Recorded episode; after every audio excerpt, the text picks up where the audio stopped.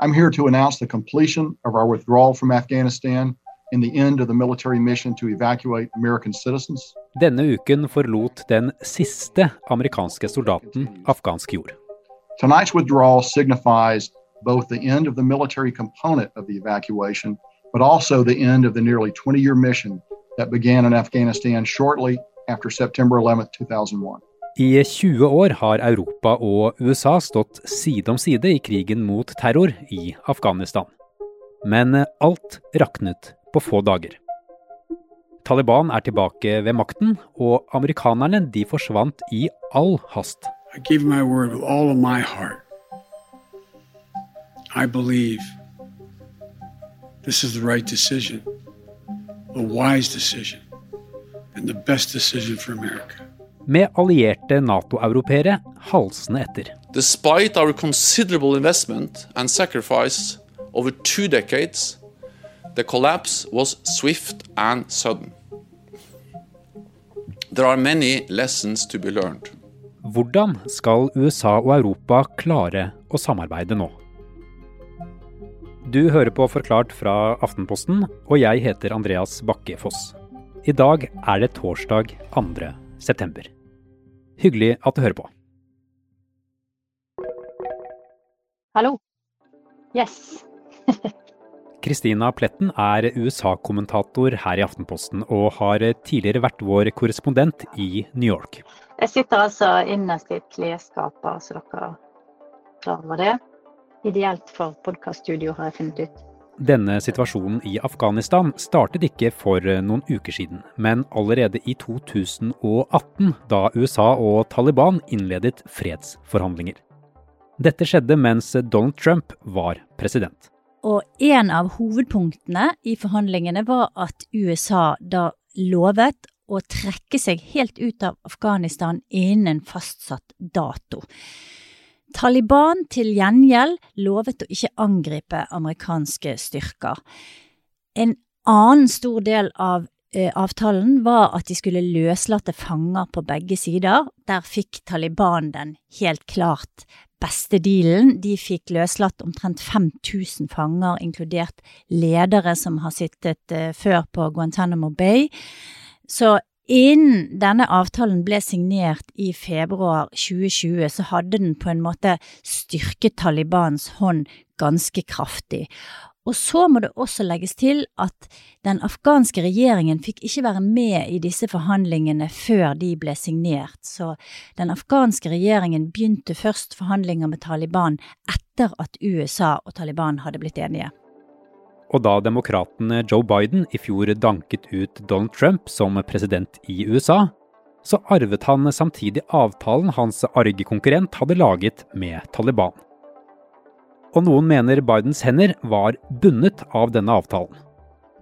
Andre mener Biden burde ha sendt inn flere soldater og blitt værende i Afghanistan for å hindre nye terrornettverk i å bygge seg opp. Det er Biden helt uenig i. Asking for a third decade of war in Afghanistan, I ask, what is the vital national interest? In my view, we only have one to make sure Afghanistan can never be used again to launch an attack on our homeland. Biden hadde egentlig to valg. Han kunne forkaste avtalen og bygge opp igjen styrkene, eller han kunne prøve å følge opp avtalen, og han valgte da det siste.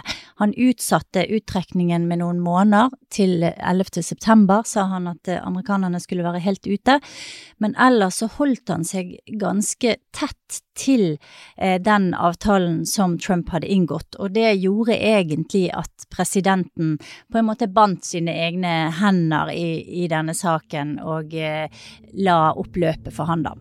For krigen mot terror den endte slik den begynte for snart 20 år siden. Med terror og død. Two bombs, one a suicide bomber at the gate at the airport, followed by ISIS gunmen shooting, pr presumably at both military and civilian targets. Uh, we know that there have been casualties. Uh, we know that uh, there are uh, Americans who were injured as a result of this. Uh, og en president som vil fortsette å jakte på terrorister.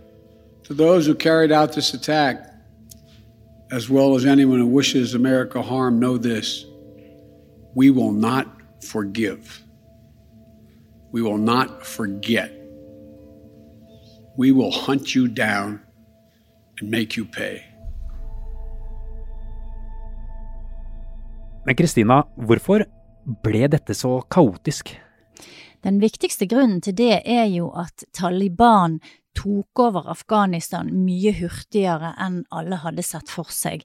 Eh, så kan man stille seg spørsmål om hvorfor de ikke forsto tidligere at Taliban eh, ville ta over så raskt. Det er det mange ulike meninger om. Det kommer det sikkert til å bli mange analyser av i fremtiden. Eh, men det vi vet hittil, er at eh, både etterretningen og diplomater eh, i løpet av sommeren begynte å advare om at her gikk ting mye, mye fortere enn det som var antatt. Eh, så kan man jo eh, kanskje være enig i den, eh, en av de fremste analytikerne som sa det at eh, USA her trodde på sine egne fantasier om at den afghanske regjeringen og de afghanske regjeringsstyrkene ville klare å holde Taliban unna, selv om alt bevismateriale tydet på det motsatte. Det var ingen tvil om at amerikanerne og europeerne var enige om å forlate Afghanistan. Men planen, iallfall slik europeerne tenkte det, var at det skulle skje mye mer ordnet. Men plutselig så skulle USA ut av Afghanistan så fort som mulig. Grunnen til at de plutselig fikk så veldig bråhast, var jo at Taliban faktisk tok over hele landet. Regjeringen flyktet. Presidenten satte seg på et fly og dro fra landet uten å varsle noen, selv sin egen forsvarsminister. Så eh, landet kollapset jo som et korthus utrolig fort, og det gjorde at USA og de allierte som nå står igjen med en ganske liten militær styrke, eh, da plutselig hadde mistet hele støtten fra det som de trodde skulle være en i hvert fall noenlunde operativ afghansk hær. Så det gjorde at de måtte i gang med en sånn eh, nødevakuering, rett og slett, da, i løpet av eh, et par uker. USAs hasteuttrekning fra Afghanistan endte ikke bare i et kaotisk blodbad som tok europeiske ledere på senga. Den har også fått dem til å stille seg et viktig spørsmål. Hva skjedde med europavennen Joe Biden?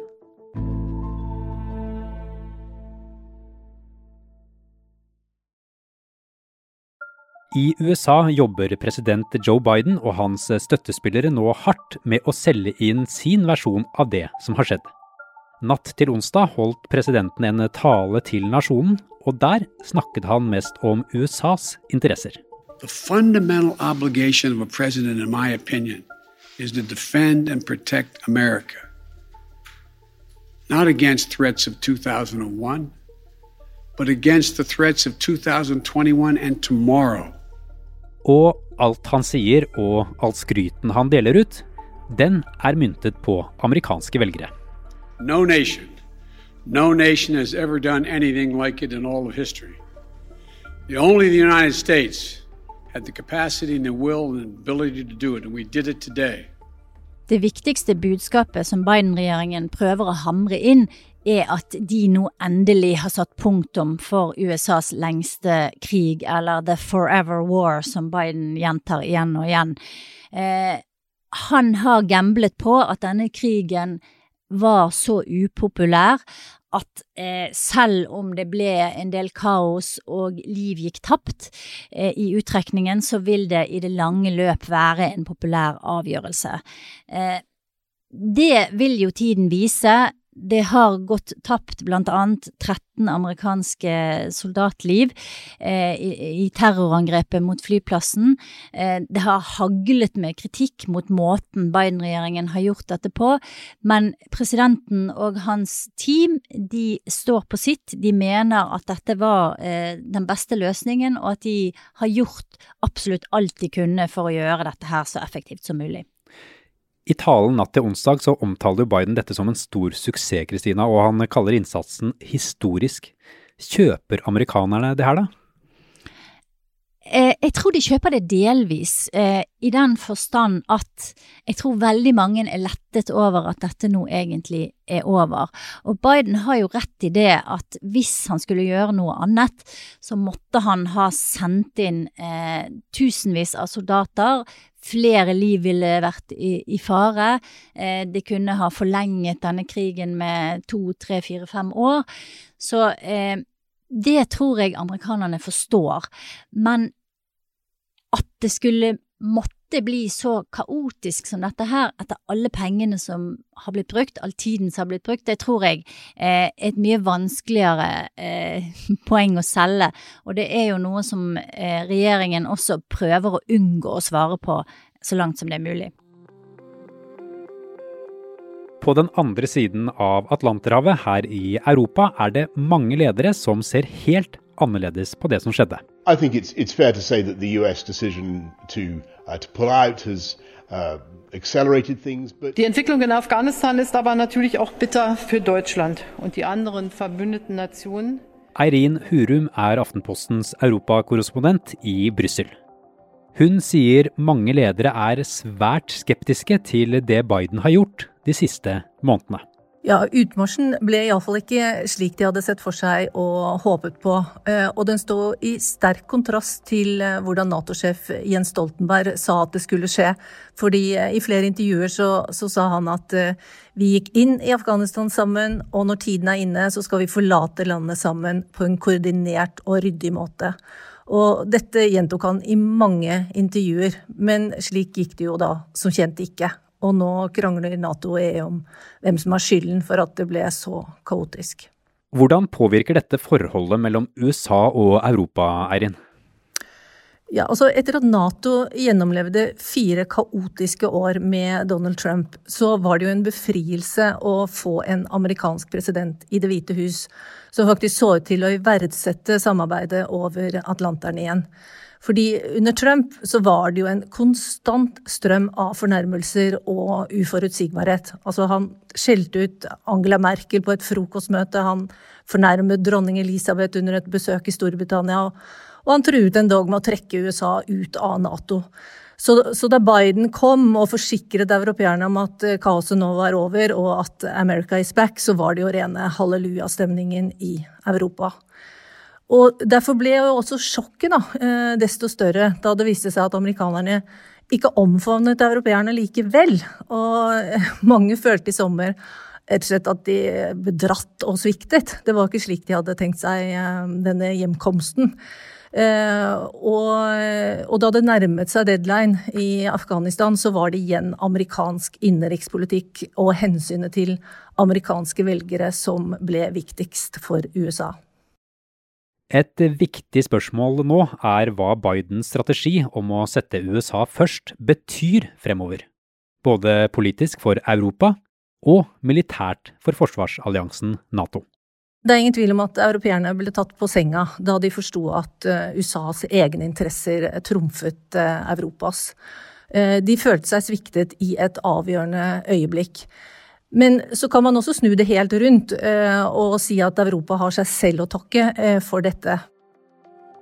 Fordi i årevis så har jo EU forsøkt å etablere en egen utenriks- og sikkerhetspolitikk uten å lykkes. Eh, her har jo Frankrike vært den største pådriveren. Tyskerne er den største bremseklossen, og Storbritannia har jo vært mest opptatt av brexit og forsømt utenrikspolitikken, og også forholdet til sine europeiske naboer.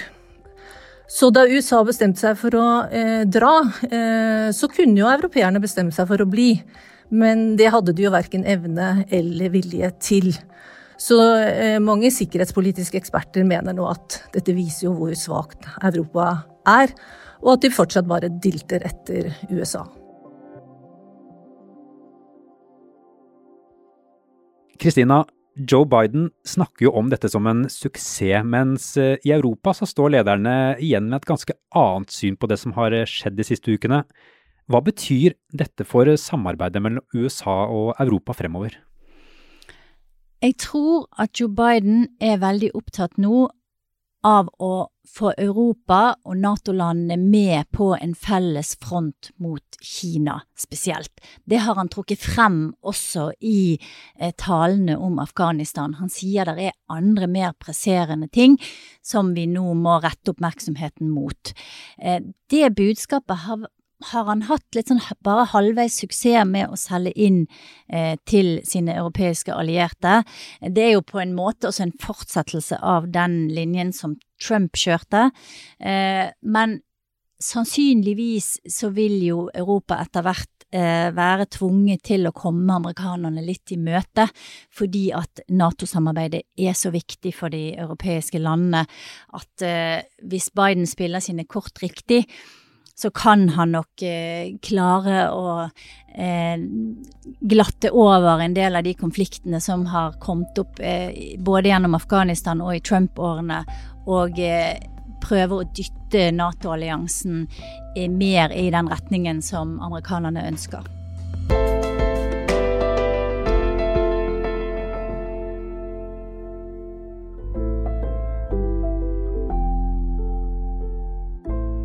Denne episoden er laget av produsent David Vekoni og meg, Andreas Bakke Foss.